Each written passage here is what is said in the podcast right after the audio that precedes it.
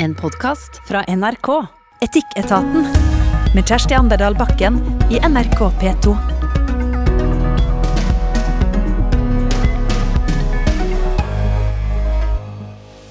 I forrige episode av Etikketaten så hørte vi medium Lilly Bendris, stortingsrepresentant for Høyre Lene Westgård-Halle og psykolog Jan Ole Hesselberg. Og de diskuterte bl.a. tru, og der var de ganske uenige, og samtidig litt enige, med Lilly sin høgsensitivitet og tru på et liv etter døden. Lene bestemte seg for å bli katolikk i voksen alder, og Jan Ole han tror på vitenskapen. Nå skal du få del to, og dilemmaet er kan en avbryte hytteturen med svigers om stemninga blir anstrengt? Men først så skal vi bli litt mer kjent med deg ved å utfordre deg på et spørsmål fra vår hellige gral, og det er Jan Ole som trekker. Har du hatt en åndelig opplevelse? Her tror jeg vi kan få sprik i, i svarene. Det er ganske åpenbart. Lilly sitter og tenker og tenker. Har jeg hatt en åndelig opplevelse? Eh, Jeg kan jo begynne å svare, da. Og det, jeg, kan, jeg kan svare nei på det. Altså, jeg har hatt veldig sterke emosjonelle opplevelser.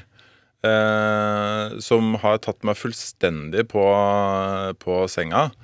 Eh, og gitt sterke kroppslige opplevelser også. Men, men eh, åndelig, det, der ligger det jo en betingelse Det ligger en tolkning på toppen av den opplevelsen igjen eh, som, eh, som jeg ikke kjenner meg igjen i. da. Jeg har aldri tenkt at det her Uh, Her må jeg legge til en forklaring, på en måte. Jeg har bare tatt opplevelsen inn over meg. Eh, og ikke tenkt at jeg må tolke den noe utover det. Så svaret på dette er, eh, er nei, da. Det vil jeg si. Så når det liksom skjer et liksom underlig sammentreff, eller du har veldig flaks, så knytter du aldri det liksom til noe overnaturlig? Nei, jeg, det gjør jeg ikke. Og jeg har jo også liksom i hodet mitt uh, vært uh, trent på at uh, helt vanvittige tilfeldigheter vil jo opp, oppstå jo hele tiden. Eh, bare, fordi, uh, bare fordi man kaster terningene så eksepsjonelt mange ganger. Og så merker man jo når, man, eh, når det treffer, uh, treffer da. Og så kan man jo si, også si at selv om det er en uforklarlig eller ufo, uforklart tilfeldighet, så er den ikke uforklarlig nødvendigvis. da, så, så Når eh, blir du overrumpla da? Den mest ekstreme sånn følelsesmessige situasjonen jeg har vært i, det, det var eh, fødselen av min eh, første datter. Og det høres eh, kanskje litt sånn typisk ut, men, men jeg hadde gått da, eh, fra vi fikk vite at vi skulle bli foreldre for første gang, så hadde ikke jeg, jeg hadde ikke kjent noe på noen følelser eh, i noe særlig grad, annet enn eh, praktiske utfordringer og, og relativt sånn kjølig eh, distanse til eh, det. Typisk, ganske typisk for meg.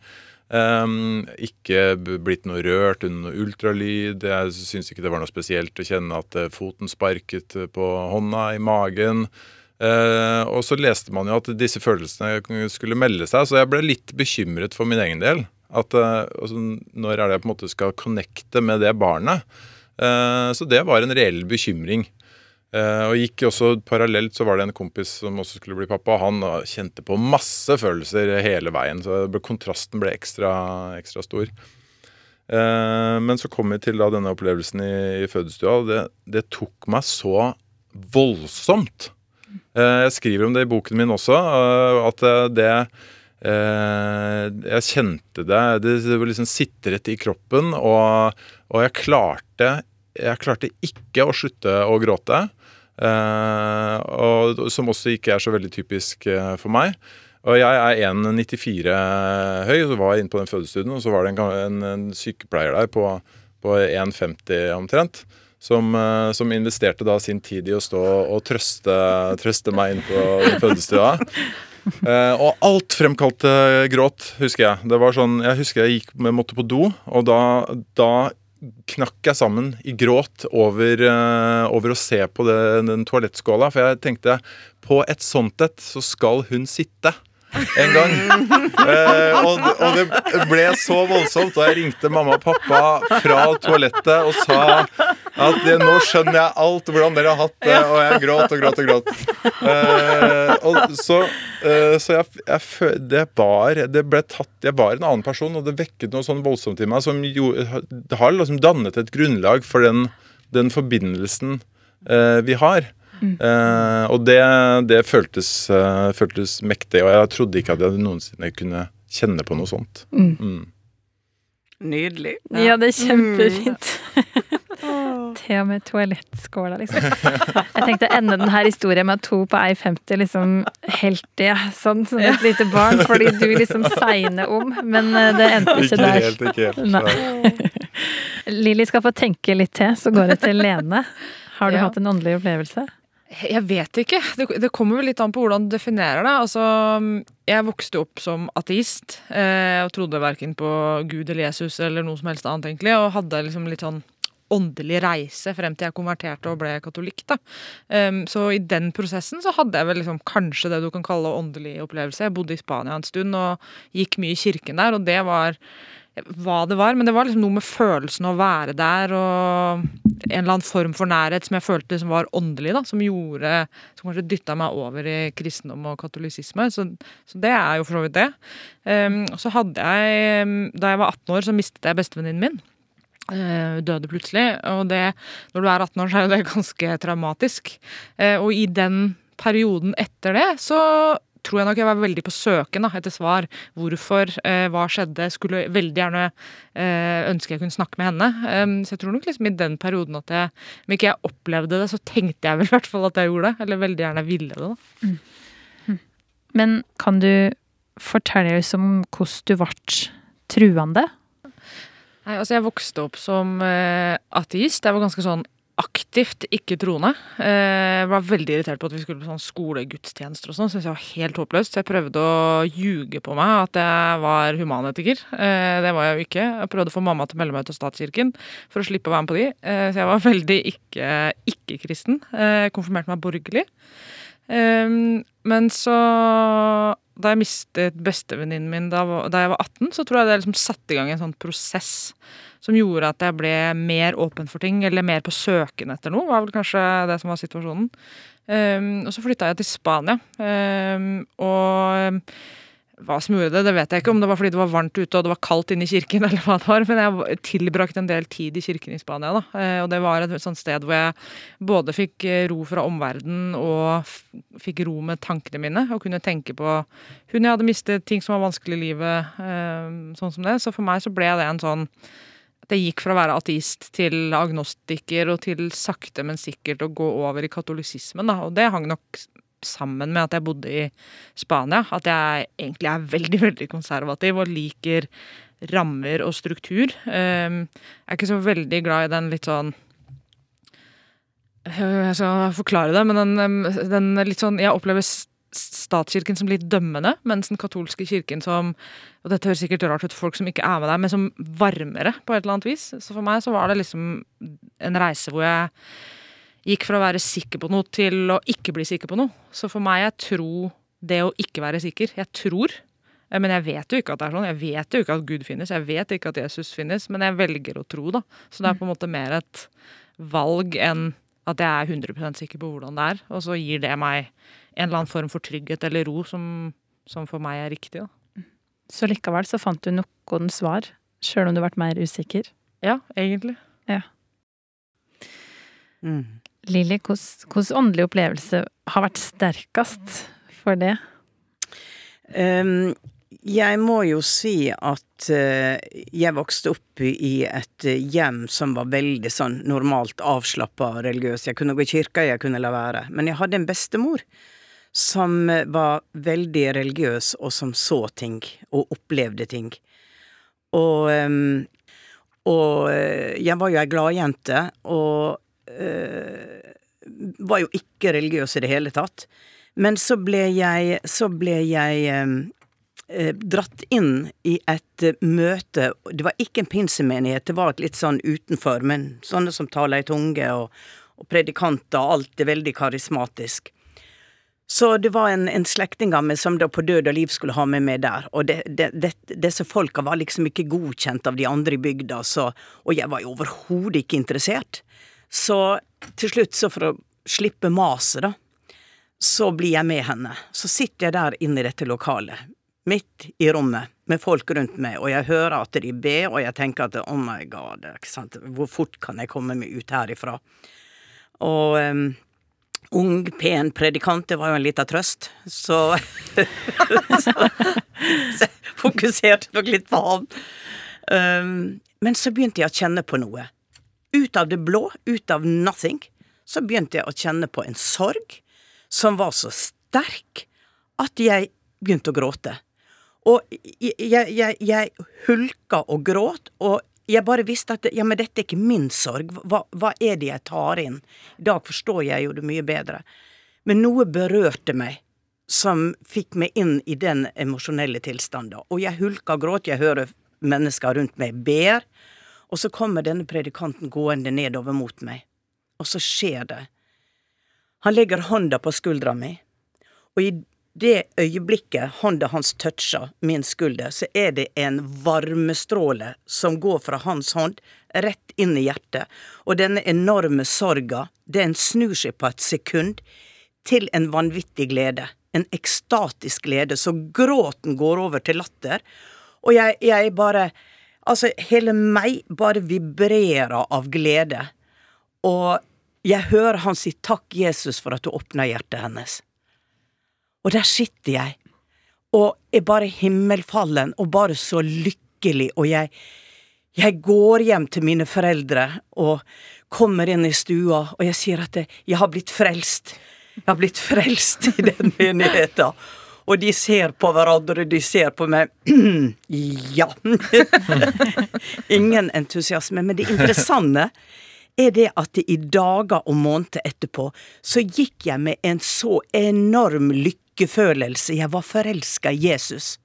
Og det var Cuba-krise, og de snakka om atomkrig og dommedag og jeg vet ikke hva.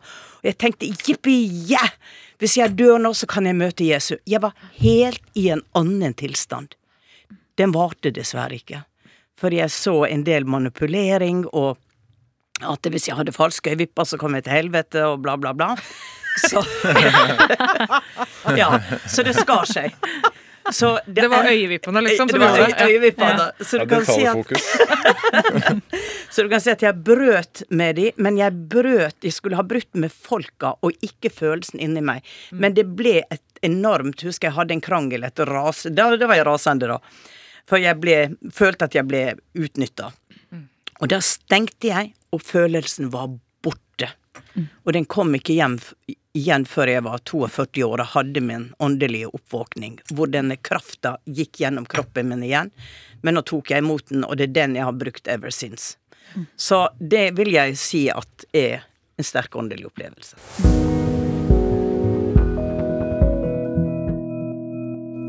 Det er mange former for eh, mangfold, og det får vi kjenne ekstra på når vi stues inn på 70 kvadrat med familien. Eh, Stine har sendt inn et hyttedilemma til etikketaten krøllalfa nrk.no, og psykolog Jan Ole Esselberg, medium Lilly Bendris og Høyre-politiker Lene Westgård Halle skal prøve å gi Stine noen eh, nyttige tanker rundt det her. Hun skriver Hei, jeg har et dilemma jeg blir helt svett av å tenke på lenge før ferien har starta. Med en familie på fem som er invitert på hytta til svigermor og svigerfar ei heil viku igjen. Det er en tradisjon gjennom de siste sju åra. Jeg liker de begge, men til flere unger som har kommet til, jo kortere tid tar det før stemninga blir anstrengt mellom svigermor og svigerfar. I fjor sommer så merka jeg det allerede på dag tre, og da tenkte jeg ikke én sommer til med samme opplegg. Men nå sier alle at de gleder seg til denne viku. Partneren min og svigermor spesielt. Det er ikke et alternativ å snakke med svigerforeldrene mine på forhånd. Svigerfar er den litt tause typen. Mannetypen, skriver hun til meg. Og svigermor kvitra rundt og starta forberedelsene mange viker på forhånd. Partneren min blir òg prega av stemninga, men er samtidig redd for å såre foreldra, spesielt mammaen sin. Jeg tenker, skal en virkelig bruke ei heil uke ut av ferien med å gå på nåla, eller skal vi dra hjem etter dag tre hvis det samme skjer igjen i år? Helsing ei som drar til hytta med de beste intensjoner, men uten særlig glede. Og vi har valgt å kalle henne Stine. Ja.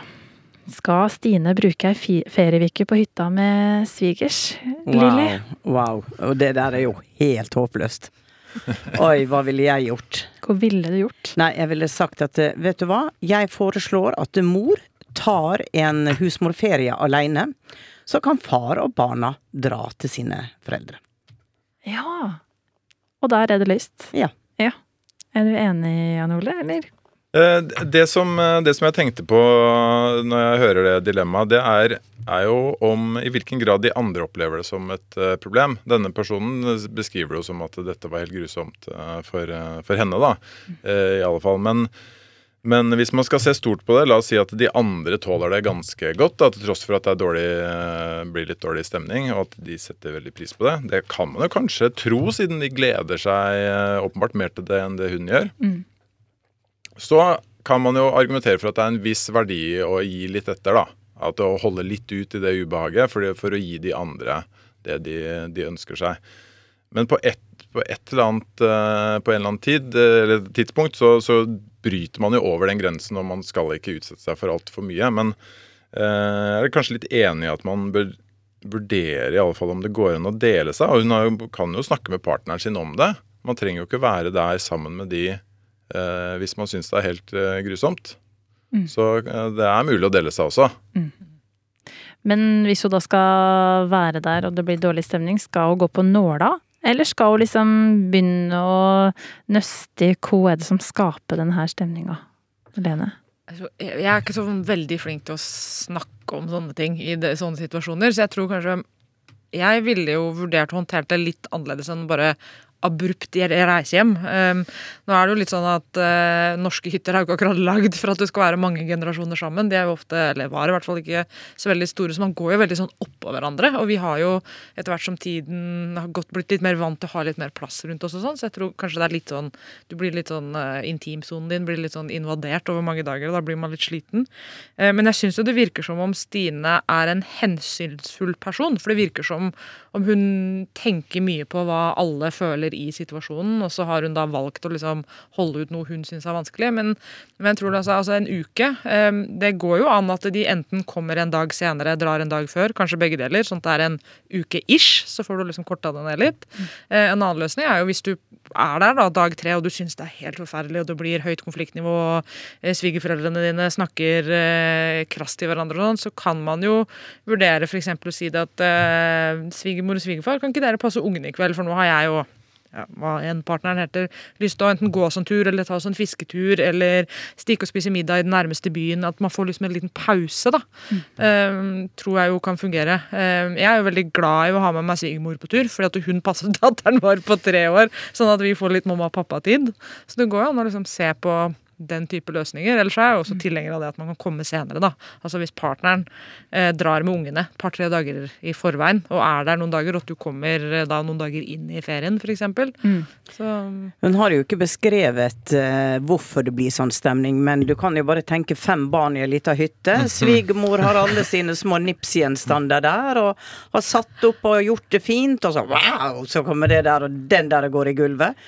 Og svigermor blir veldig nervøs. Så det er jo også litt å finne ut av, for hun har ikke forklart hva det er. Nei. Men logisk så ligger det nok i at barna blir litt villstyrige, og så og så får hun dårlig samvittighet. og Derfor jeg tenker hvis hun tar husmorferie, og far er der med barna alene, så må de ordne opp og se hva sier far når han da kommer hjem, når ikke det er mor som går der og mm. passer på alt? Hvordan det blir en, en forandring i dynamikken som kanskje kan være med på å si OK, her er det et problem, og hva kan vi gjøre med, med det?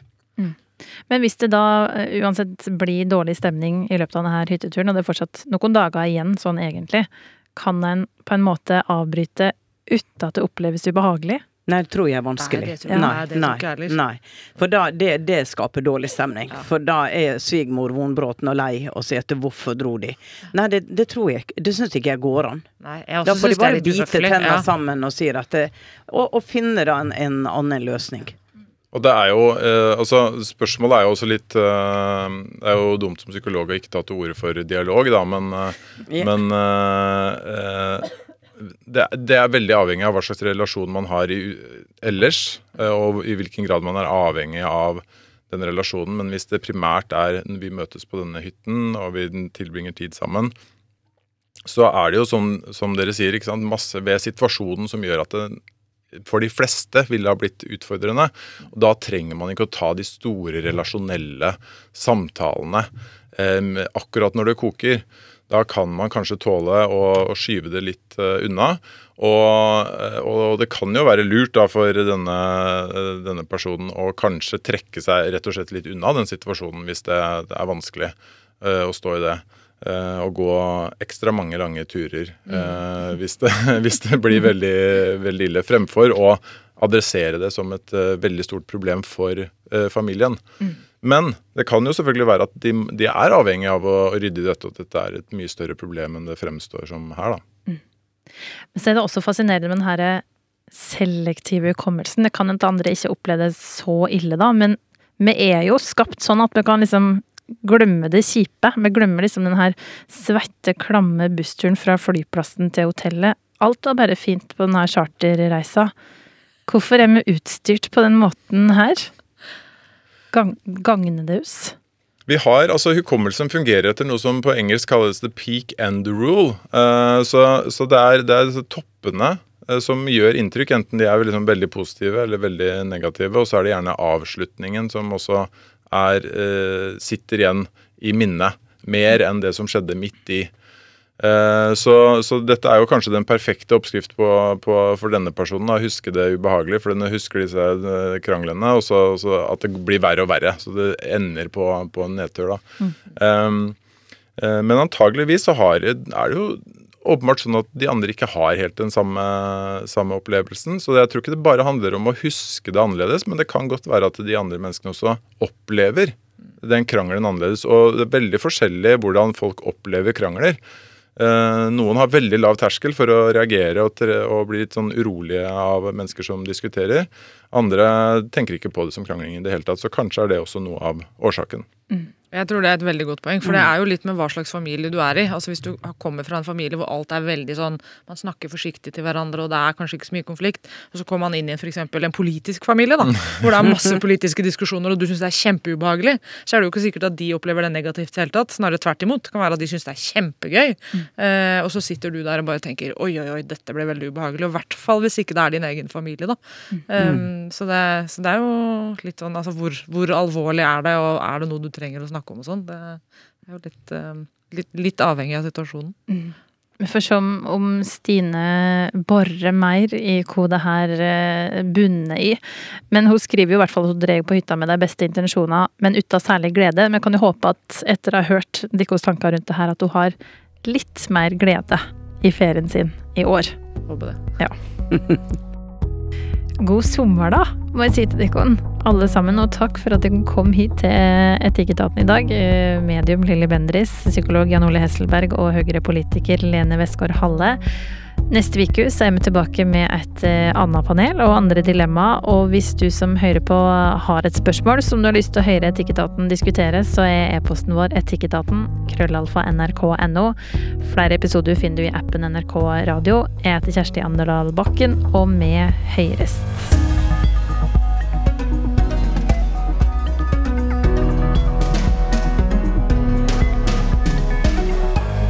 Du har hørt en podkast fra NRK. Hør flere podkaster og din NRK-kanal i appen NRK Radio.